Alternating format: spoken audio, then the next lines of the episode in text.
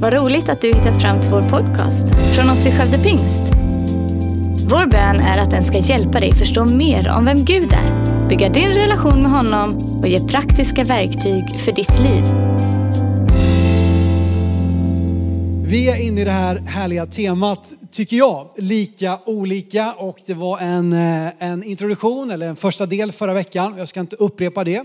Men jag tror att, att det var någonting speciellt som Gud ville säga till oss som vi hörde här, eller gjorde vi inte, vi hörde det innan mötet, inte ni som sitter här nu. Men gå gärna in och lyssna på det, du som vill förstå varför vi lyfter det här och vad det har sitt ursprung i. Men idag har vi ett sånt härligt spännande tema som Emma har introducerat, som jag känner att jag kan inte stå här och småprata nu, utan nu måste vi liksom rakt ner i texterna här.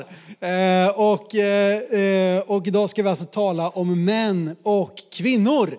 Spännande va? Vi har alltså tre söndagar om jämlikhet. Förra veckan var det fokus på generationer, åldrar. Idag ska vi tala om män och kvinnor och nästa vecka har vi besök faktiskt, ska jag säga det, det har vi inte sagt. Men Ida Möller eh, från Hillsong Sweden som eh, har gjort ett otroligt gediget arbete kring det här med eh, människor med olika hudfärg, rasism och kulturer. Eh, hon har jobbat mycket med detta och hon kommer komma hit och predika den sista delen nästa söndag. All right. Men vi läser det som vi ju faktiskt redan har läst i eh, filmklippet här. Första Mosebok kapitel 1 och vers 27. Eh, det är ju här vi har den kristna etiken nedlagd redan i skapelsen. Innan synden kommer in i världen så ser vi Guds grundtanke i de första två kapitlen i Bibeln. Och det står så här. Första Mosebok 1 och 27.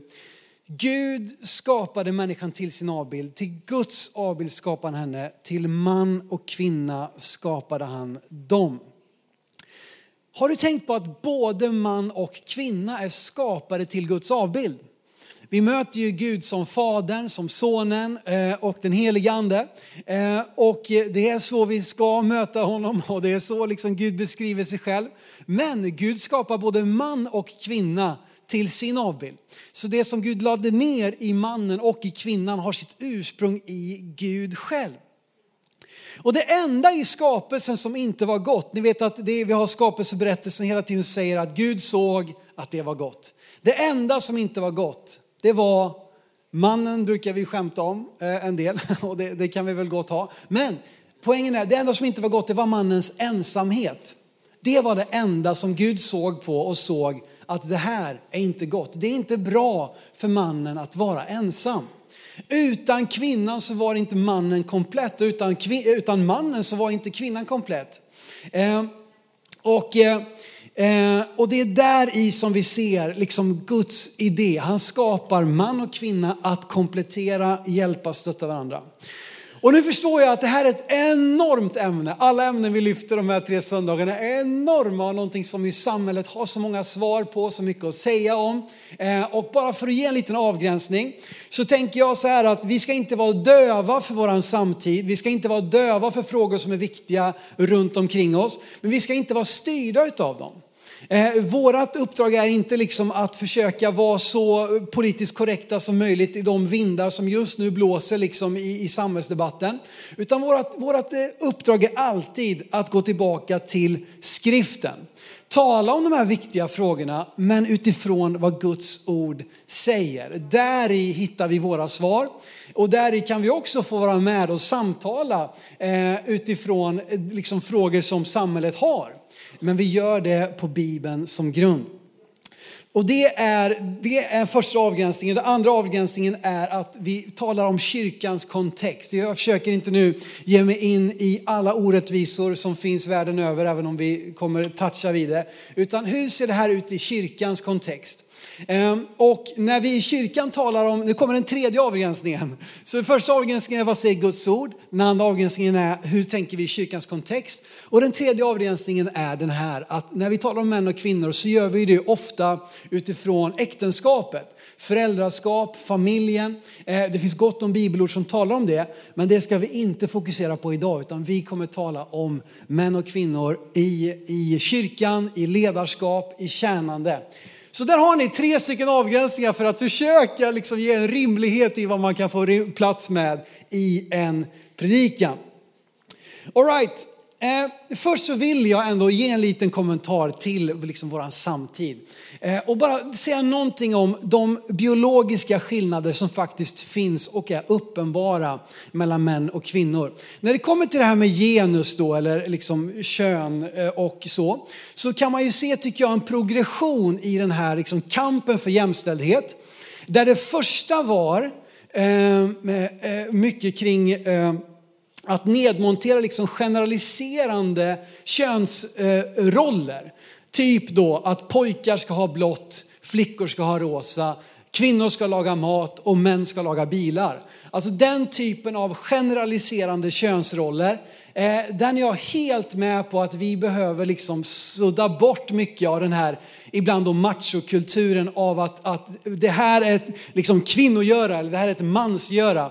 Eh, det, jag tror inte alls att Bibeln är så fyrkantig, absolut inte. Jag tror att vi utifrån då, det blir ofta kanske då i, i äktenskapskontexten, att, att okej, okay, vad har du för gåvor, vad har jag för gåvor, hur kan vi avlasta, hjälpa, komplettera varandra? Men där har vi en första då, liksom, eh, eh, utveckling som jag verkligen vill vara en del utav.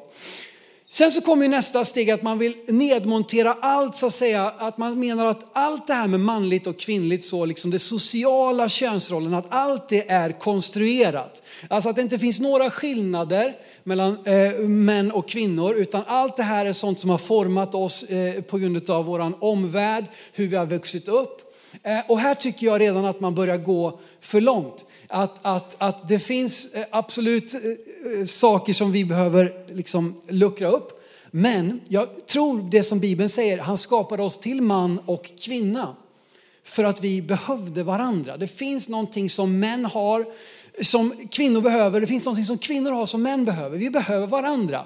Så jag tror inte på att lösningen på jämlikhet är att bara sudda bort alla olikheter. Utan precis som vi säger, vi är olika men också lika, eller olika och jämlika. Det, det, tredje som ju är väldigt hett idag, det är ju att till och med nedmontera det biologiska könet. Alltså att säga att bara för att du har liksom föds med ett, ett manligt könsorgan så måste du inte vara man, utan allt det där eh, är liksom en, en konstruktion. Och här har man ju tagit det ännu, ännu längre.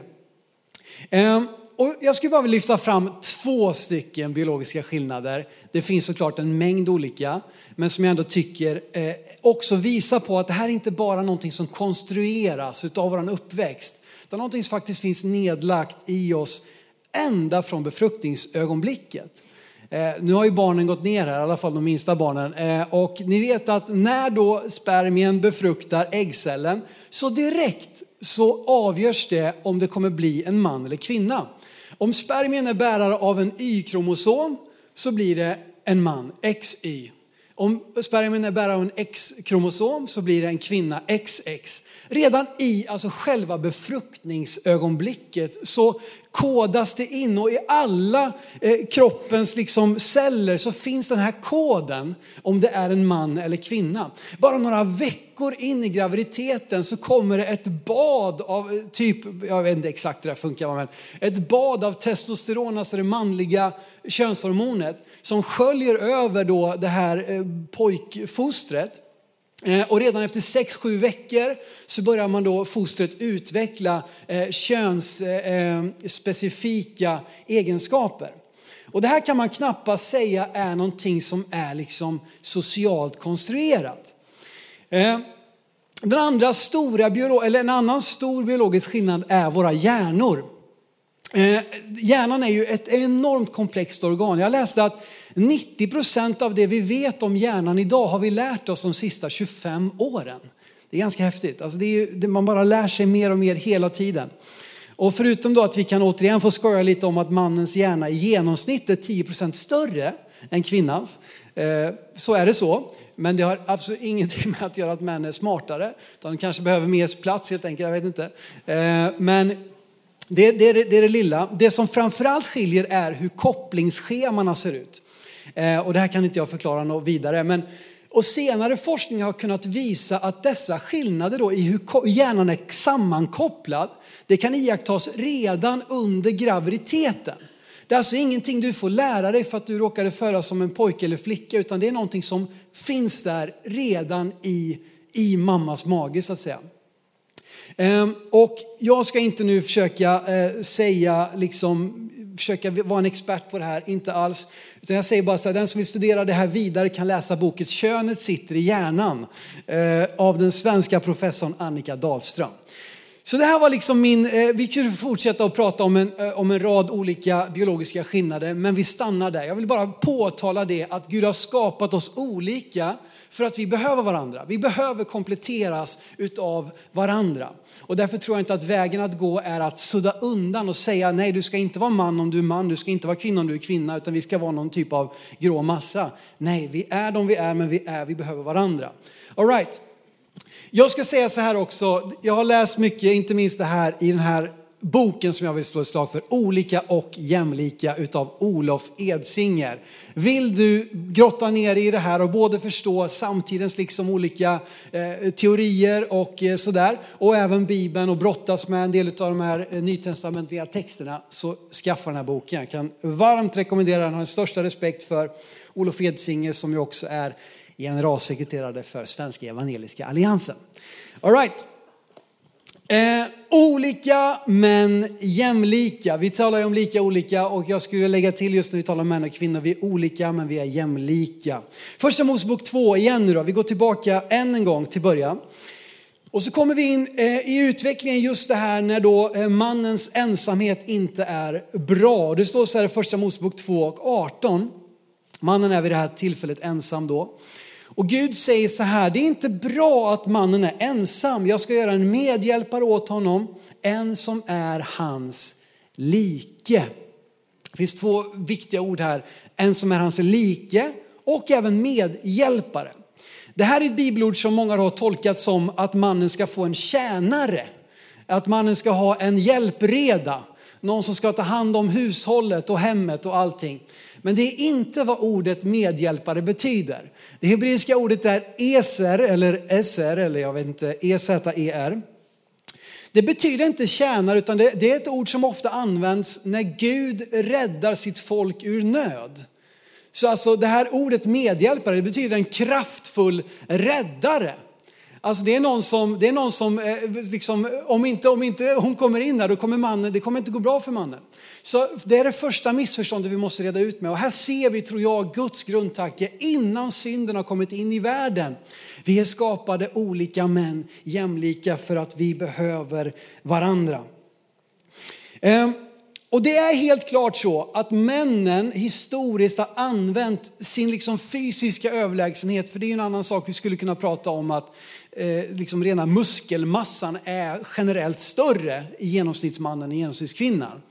Eh, och här har ju män i alldeles för hög utsträckning utnyttjat det här till att förtrycka kvinnor, till att liksom göra sig till herre på ett osunt sätt över kvinnor. Och med den historiska bakgrunden utav flera tusen år där faktiskt inte alla män men många män har missbrukat sin eh, liksom så att säga, maktställning eller kraft eller styrka. Med den historiska bakgrunden och personliga erfarenheter så kan jag förstå att vissa kvinnor ser det som lösningen att slå sig fria ifrån männen. Att vi, vi, vi ska göra oss till, så att säga, då ska väl vi bli herrar över männen. Nu ska vi minsann ta över ungefär. Jag kan förstå det. Men jag tror inte att det är det som är liksom vägen fram. Att om det då har funnits män som har förtryckt kvinnor så ska kvinnor börja förtrycka män. Man, man rättar inte till ett fel med ett nytt fel utan vi behöver någonting annat. Eh, och jag tänkte faktiskt lite, lite liknande sak faktiskt, eh, bara för att förstå. Eh, många judar idag har väldigt svårt att ta emot Jesus som Messias, som sin frälsare. Inte minst på grund av nästan 19, 2000 års antisemitism ifrån kristna. Och då kan jag förstå att judar har svårt att ta emot Jesus som sin frälsare när, de, när Jesus liksom företrädare, de kristna, har förföljt dem. Och på liknande sätt kan jag förstå kvinnor som, som helt enkelt vill det här, slå sig fria och så vidare. Men jag tror att vi som kyrka skulle stå för någonting annat. Där vi eh, liksom, eh, eh uppmuntrar varandras olikheter, uppmuntrar dem. Och jag tycker att det finns eh, eh, så, jo men det ska jag säga också, för det här har ju också präglats i, i, eh, jag har massa bra saker jag vill säga. Jag får inte bläddra för snabbt nu Simon. Eh, du vet, i år är det hundra år sedan kvinnor för första gången fick rösta i ett svenskt val. Eh, och det är en milstolpe när det kommer till demokrati, jämlikhet. Och faktum är att i den processen var frikyrkan före sin tid. 1848 grundades den första baptistkyrkan. Och då gav man alla medlemmar lika rösträtt. Redan 1848, män och kvinnor i frikyrkan hade samma rösträtt och möjlighet att påverka i liksom den, den, den församlingar som växte fram. Och det här blev ju normen i frikyrkorna. Så frikyrkorna var ju liksom 75 år före sin tid. Eh, och, och, det blev också en viktig faktor i att det sen också blev eh, eh man såg att det här, eh, liksom, det, det, var, det var inte oviktigt att frikyrkan hade gått före i sin tid. Under 18 och 1900-talen så sände frikyrkan ut minst lika många kvinnor som män i mission ut över världen. Lika mycket kvinnor som män som sändes ut över hela världen. Och där vet vi att, att inte minst svensk pingstväckelse har haft en, en, en oproportionerligt stor betydelse i internationell mission. Och där har både män och kvinnor varit lika viktiga. Mängder av frikyrkor i Sverige har grundats av kvinnliga evangelister. Du vet när, när det bröt fram här väckelserörelserna på slutet av 1800-talet, början på 1900-talet. Det var ofta kvinnor som gick först till en ny stad eller en ny by, ett nytt samhälle. De gick dit, började vittna, evangelisera, byggde kapell eh, och, och liksom var, var de som grundade eh, eh, de här sammanhangen. Eh, och samtidigt då så har man ju historiskt även i kyrkan haft svårt att, att liksom lyfta fram kvinnor och ge dem ledande positioner, lärarämbete. Även i frikyrkan var det så att kvinnorna de gjorde hårdgörat, de gick till en ny plats, de evangeliserade, började vinna människor för Jesus, byggde kapell. Och sen så kom det en man och blev pastor i församlingen, typ så. Eh, och jag säger inte att det bara var liksom dåligt, men, men lite sådär. Vi, vi har haft lite svårt att dra de här gränsdragningarna. Eh, och eh, Eh, jo, det jag vill säga är så här då. Att de här begränsningarna av kvinnor har ofta byggt på några enstaka eh, bibeltexter. Vi ska gå in på ett av dem här snart. Jag var så snabb i början på gudstjänsten här så jag känner att jag har tid nu att utveckla det här, men det kommer bli bra. Eh, och eh, eh då ska vi säga så här att Jo, som sagt, man har byggt det på några bibelcitat eh, som är lite svåra att tolka och förstå. Men jag skulle också säga att man i kyrkan har varit präglad, precis som hela västvärlden, av grekiskt tänkande. Där ju, vi känner igen namn som Aristoteles, Platon och de här gubbarna. Och inte minst Aristoteles hade en fruktansvärd kvinnosyn. Eh, och där har även stora kristna tänkare varit väldigt präglade, inte bara av Bibeln, utan också av det grekiska tänkandet. Aristoteles, han såg kvinnan som en ofullbordad man såväl kroppsligt som till förnuftet. Alltså man såg rent så här, kvinnan är helt enkelt underlägsen mannen. Det står inte i Bibeln, men det var någonting som grekiska tänkare förde fram som präglat eh, Bibelns tolkare så att säga. Det som Emma var inne på, det är män som har tolkat Bibeln, inte bara utifrån Bibeln, utan också ifrån en del sådana här tänkande. Och det har lett det lite snett då. Så frågan är ju, de här som har förkunnat på det här sättet, är det en biblisk kvinnosyn eller är det förkunnarnas kvinnosyn? Det är en viktig fråga att ställa sig. Är det här Bibelns kvinnosyn eller är det förkunnarnas eller teologernas kvinnosyn? Jag tycker att det finns två tydliga gränser där kampen för jämställdhet kantrar eller liksom halkar ner i motsatt dike. Det ena är det jag har varit inne på redan, att utraderandet av allt som är manligt och kvinnligt. Att vi, liksom, vi, ska, vi ska komma över det här genom att liksom ta bort skillnaderna mellan oss.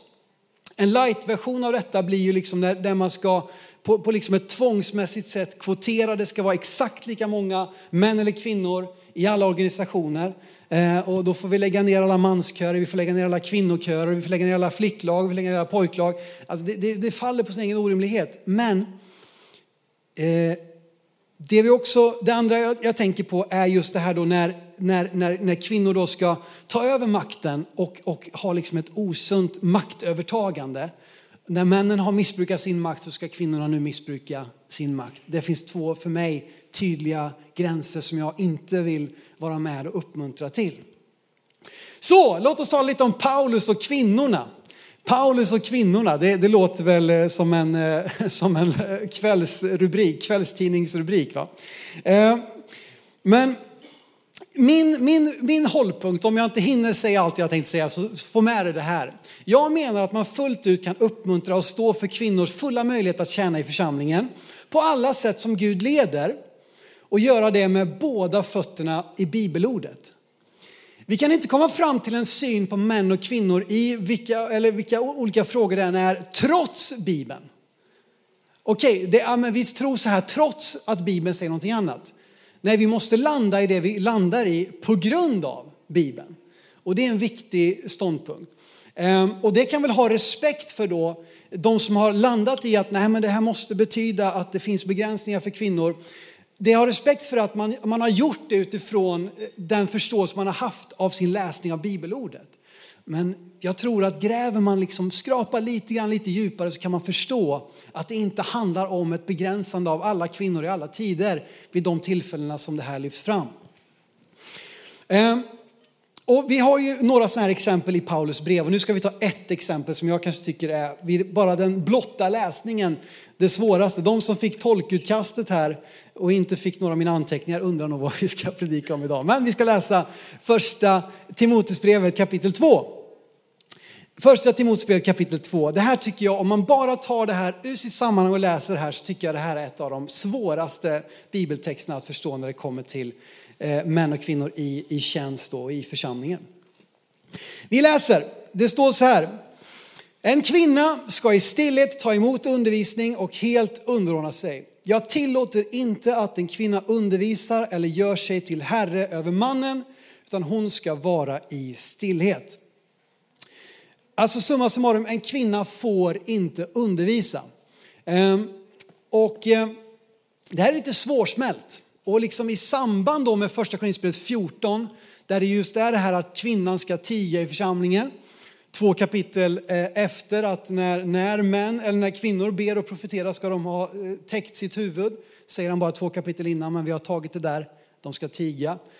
Ehm, och det här då har använts ensidigt för att förbjuda kvinnor att undervisa, predika eller leda i, i, i viss utsträckning. Då.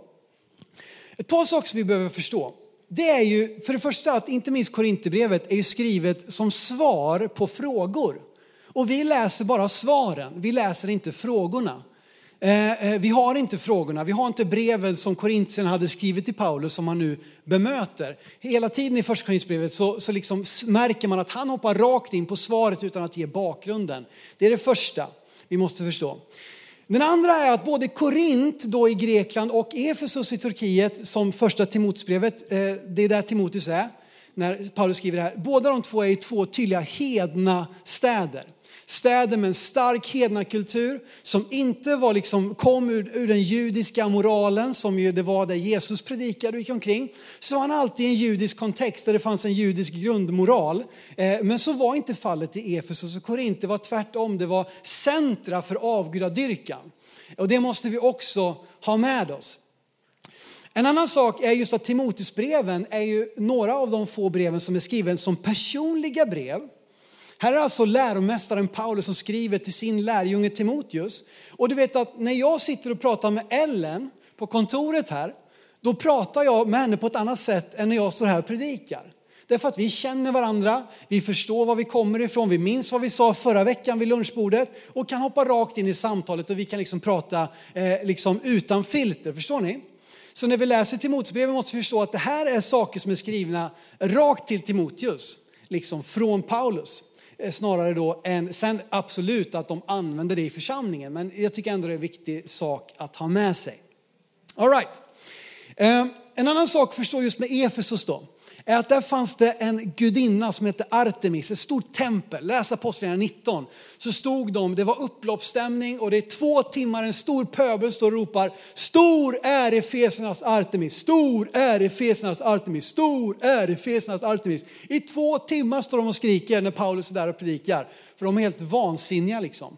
Och Artemis då, det var en kvinnlig gudinna eh, som, som stod för flera olika saker, men den Artemiskulten som fanns i Efesos handlade bland annat om att kvinnor då skulle ha ett osunt övertag på män. Och det här var då saker som lockade sig in i församlingen. Att här skulle vi nu då på ett osunt sätt ta över så att säga. Och vi hinner inte gå in på det i djupet. Men det första Timoteusbrevet vänder sig mot dessa irrlärare. 50 procent av brevet menar vissa lingvistiker kan hänvisas direkt till den här irrläran. Dessutom är det inget annat brev som Paulus så mycket talar om kvinnorna i församlingen. Tar man, som man ihop det så 60 procent av brevets innehåll vänder sig till kvinnor och till den här irrläran. Alltså var det här ett sammanhang där inte minst kvinnor på olika sätt blev indragna eller delaktiga i den här irrläran. Om man ska förstå både Korint och Efesus att kvinnor på den här tiden hade, fick inte lära sig läsa och skriva. De var analfabeter. Eh, Medan män, i alla fall i judisk kontext, fick ju lära sig en väldigt grundlig undervisning från början. Så när då kvinnor kom till tro och började få friheten i Kristus eh, så hade de inte alls samma förutsättningar att liksom ge undervisning baserade på deras egen läsning utan de var enklare offer helt enkelt för irrläror, för splittring, för skvaller. Eh, och det var en av orsakerna till att det helt enkelt behövdes stängas till. Eh, och det här också ordet här. Jag tillåter inte att kvinnan gör sig till herre över mannen. Gör sig till herre. Vad är det för ord egentligen? Är det ett vanligt liksom, auktoritetsord? Det här är ett ord på grekiska som bara används en enda gång i hela Nya Testamentet. Autentein, autentein, jag vet inte, vi, vi får fråga någon duktig grek sen. Men det här är ett ord som bara används där. Varför väljer Paulus ett mycket specifikt ord? Jo, för att det handlar just om att, att, så att säga, på ett osunt sätt ta över makten.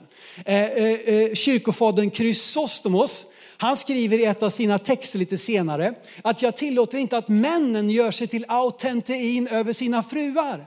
Så det här är alltså en, en, ett osunt övertag, ett osunt eh, liksom auktoritetsmissbruk som varken kvinnor ska utöva över män och inte heller män över kvinnor. Eh, förstår ni? Eh, det är helt enkelt anvisningar skrivna för att bemöta specifika situationer som vi måste förstå innan vi drar långtgående slutsatser som begränsar alla kvinnor i alla tider. Jag tycker det känns rimligt. Ehm, och, och, vad säger du nu Simon, ska vi, ska vi inte bara läsa som det står? Ska vi inte bara läsa som det står? Det har ju vi pingstvänner sagt. Vi läser som det står, de andra de tolkar, men vi läser som det står minsann. Ehm, för det första är det väldigt högmodigt att säga så. Och för det andra så läser ingen bara som det står, vi läser alla genom glasögon. Och bara den grejen att vi läser här om, om antik, liksom mer orientorienterad kultur med liksom svenska, skandinaviska, sekulära glasögon. För tro inte att vi som är uppvuxna i Sverige på 1900 och 2000-talet inte är präglade av vår sekulära omvärld. Det präglar oss också som kristna, även om vi får jobba med att låta Gudsrikeskulturen prägla oss mer än den samtida sekulära humanistiska tänkandet. Och lägg till alla möjliga sådana ismer och grejer. Eh, men för att förstå Paulus, jag tycker Paulus är lite orättvist behandlad ofta. För vi kan inte bara då titta på, okej okay, här skriver han, han vill bemöta specifika situationer i Korint, specifika situationer i Efesos. Men hur var Paulus i praktiken? Hur, hur gjorde han liksom? Hade han ett kvinnoförakt liksom, denne Paulus? Nej, det är väldigt, väldigt orättvist. Låt oss gå till Romarbrevet 16. Eh, någonting som är spännande, vi skulle kunna ha en bibelstudieserie om det, är att studera Paulus hälsningar. I slutet av sina brev så vänder han sig ofta till en eller två eller tre eller fem och här i Romarbrevet till 28 personer tror jag det är. Eh, Paulus hälsar till 28 personer personligen i slutet av Romarbrevet. Eh, och nio av dem är kvinnor. Dessutom säger han, det inleds med att han talar om Febe som förmodligen är den som bär brevet från Korint till Rom. Han börjar med att lyfta fram Febe, så det är tio kvinnor som omnämns utav 28, eh, eh, eller 29 då om man räknar med Febe. Eh, och vad var det här för typer av kvinnor? Jag läser gärna i sin helhet det här. Men vi börjar, det börjar med Febe som man tror då var den som kom med brevet från Korinth där Paulus skrev det och lämnade över det till Rom. Om honom säger Paulus så här, Febe som tjänar församlingen och har hjälpt många. Det fortsätter med Priska eller Priskilla som nämns före sin man Akila. Priska och Akila. Eh, eh, fyra gånger av sex så nämns Priskilla före sin man Akila. Och tro inte att det är ett misstag, utan det är väldigt ofta så att den som nämns först är den som står först liksom i, i anseende eller i, i uppdrag eller roll. Eh, och de ledde husförsamling och undervisade bland annat Apollos, som var en av NTs främsta apostlar. Eh, det gjorde de eh, när de var i Efesos. Han nämner Maria som arbetat mycket för församlingen. Han, han nämner Junia som är högt ansedd bland apostlarna. Eh, och här har många fått svårt och många har velat säga det när det är Junia, det ska nog vara Junias och det ska nog vara en man egentligen. Annars får vi problem med vår syn på kvinnor. Men det är ett senare tillägg. Skulle det varit en, en man då skulle det stå Junius, inte Junias. Junias är helt främmande i, i liksom grekiska namn vid den här tiden. Det skulle stått Junius, inte Junias, men det står Junia och i de tidiga eh, skriften, eh, manuskripten och bland de tidigare kyrkofäderna så var det otvivelaktigt så att man såg Junia som en kvinna. Som alltså var en framträdande bland apostlarna. Tryfen och Trifosa som arbetar i Herren, älskade Persi som arbetat mycket i Herren, Rufus mor som, en mor eh, som är som en mor för Paulus, Julia och Nereus syster. Helt plötsligt verkar inte Paulus vara så kvinnofientlig i mina ögon, om man tittar i praktiken. Sen att han gick in och behövde stämma i bäcken, där det var stökigt och störigt och irrläror och splittring och kaos i församlingen, det är en annan sak. Jag säger inte att det här är hela sanningen och jag säger inte att det här är ett fullödigt bibelstudie, men jag tror att vi behöver i alla fall. Som sagt, vi kan inte ha en syn på detta trots Bibeln, utan vi får ha en syn på detta på grund av Bibeln. Amen. Så låt oss också tala lite om Jesus och kvinnorna. Det är väl härligt att sluta med Jesus. Alltså det här är ju återigen Jesus och kvinnorna. Skriv inte det att jag har predikat om det. Det, det blir konstiga grejer här. Men Jesus och kvinnorna, hur var Jesus i förhållande till kvinnorna? Det är kanske ännu mer intressant än att studera Paulus, även om jag tycker som sagt Paulus har blivit påtutad väldigt mycket på ett orättvist sätt. För det första, förfäderna. Förfäderna. Ja, men inte det bara män. Jag vet du vad, Matteus, eh, Matteus evangelium inleds med en släktlista.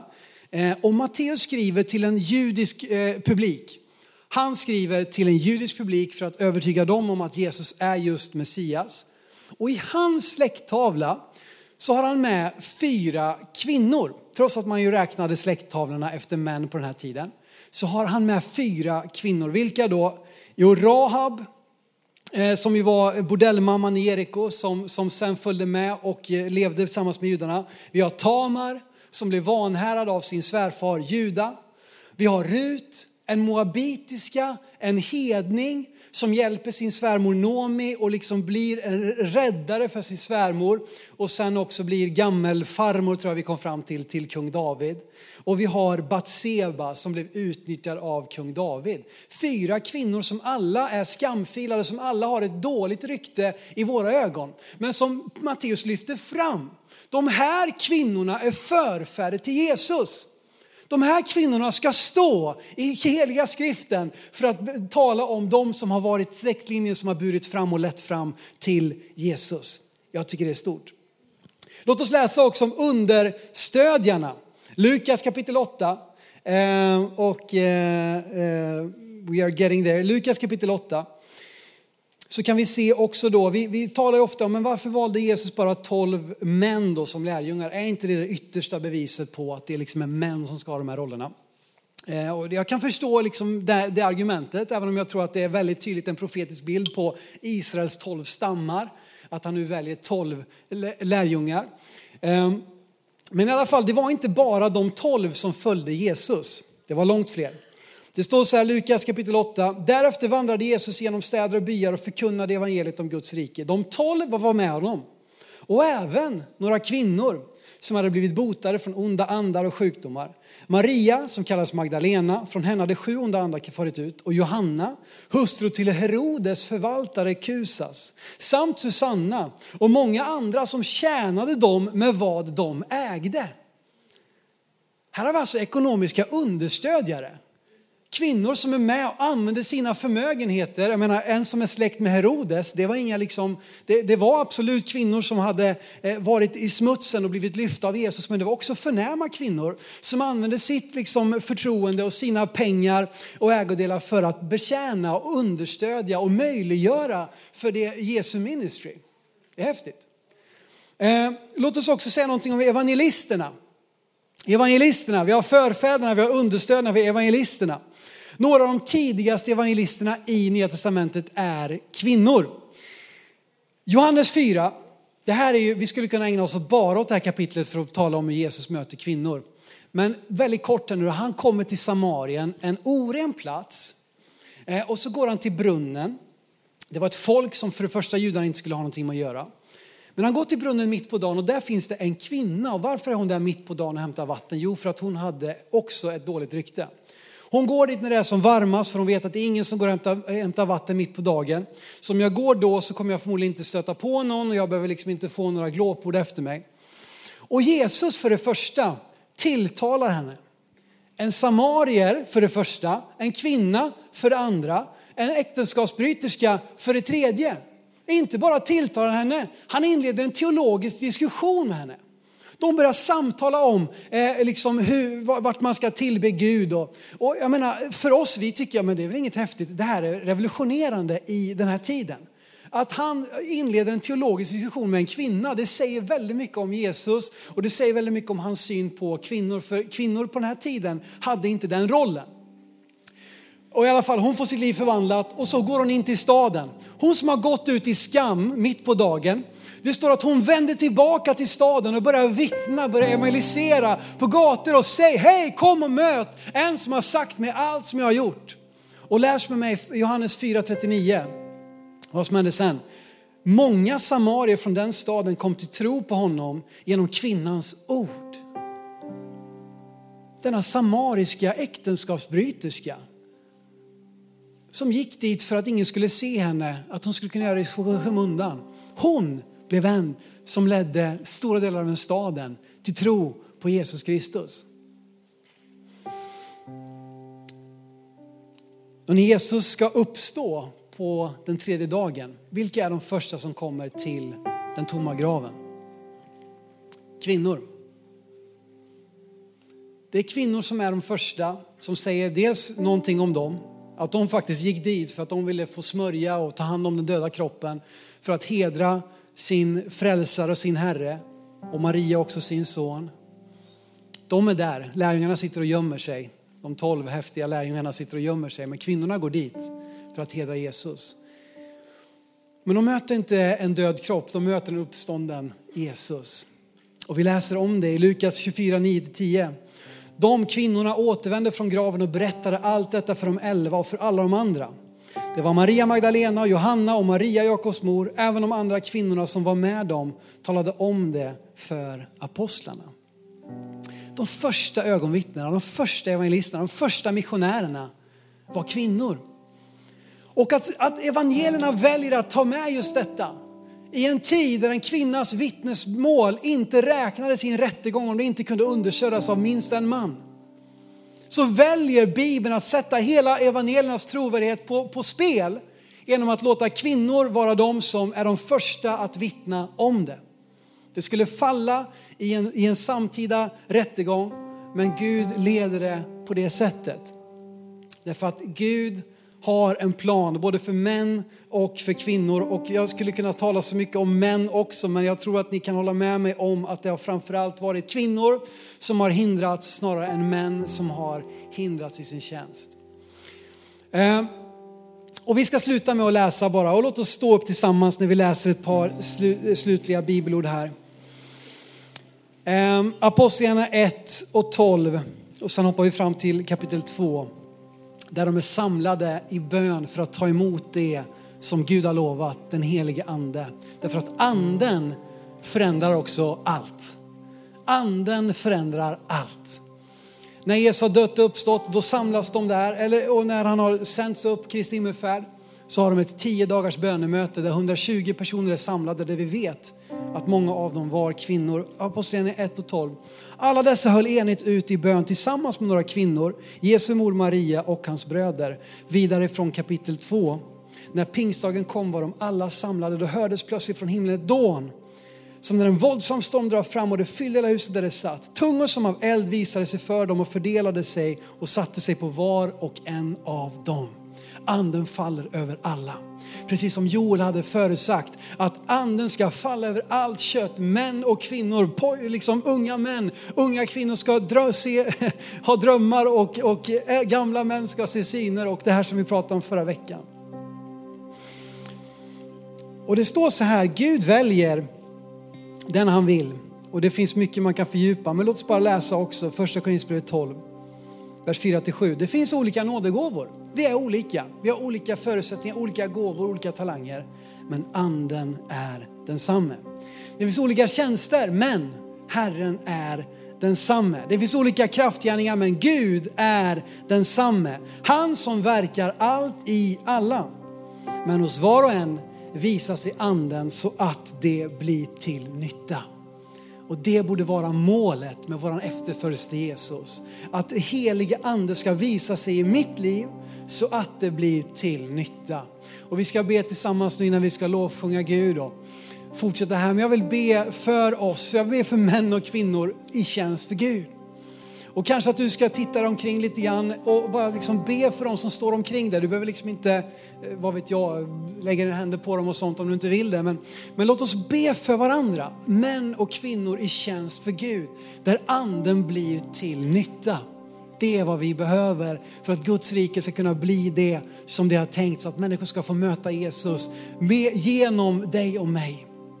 Att vi ska få vara använda av honom, tjäna Gud på det sättet som Gud kallar, på det sättet som Gud leder och på det sättet som den helige ande vill verka. Ska vi be tillsammans?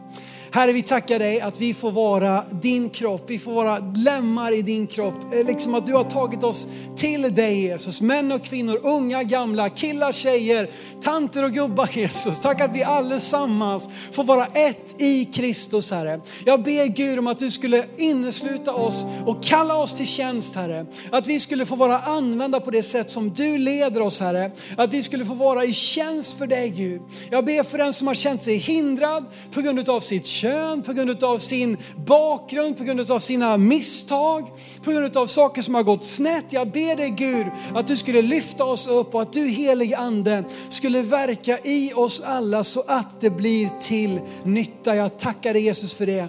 Jag tackar dig Jesus för det. Låt oss vara en församling Gud, där varje människa lyfts upp att gå och stå och tjäna den kallelse som du kallar oss till. I Jesu Kristi namn. Tack för att du lyssnat. Dela gärna podden med dina vänner och glöm inte att prenumerera så du inte missar nästa predikan. Om du har några frågor eller vill att vi ska be eller tacka för något tillsammans med dig så får du gärna höra av dig till kyrkan skövdepingst.se. För oss är veckans höjdpunkt söndagens gudstjänst och det vore så kul att träffa dig där. Våra team finns då redo att ta emot dig och det finns även egna samlingar för barnen. Du hittar mer information om oss, vilka vi är och våra olika mötesplatser på skövdepingst.se. Gud välsigne dig och ha en fortsatt bra vecka.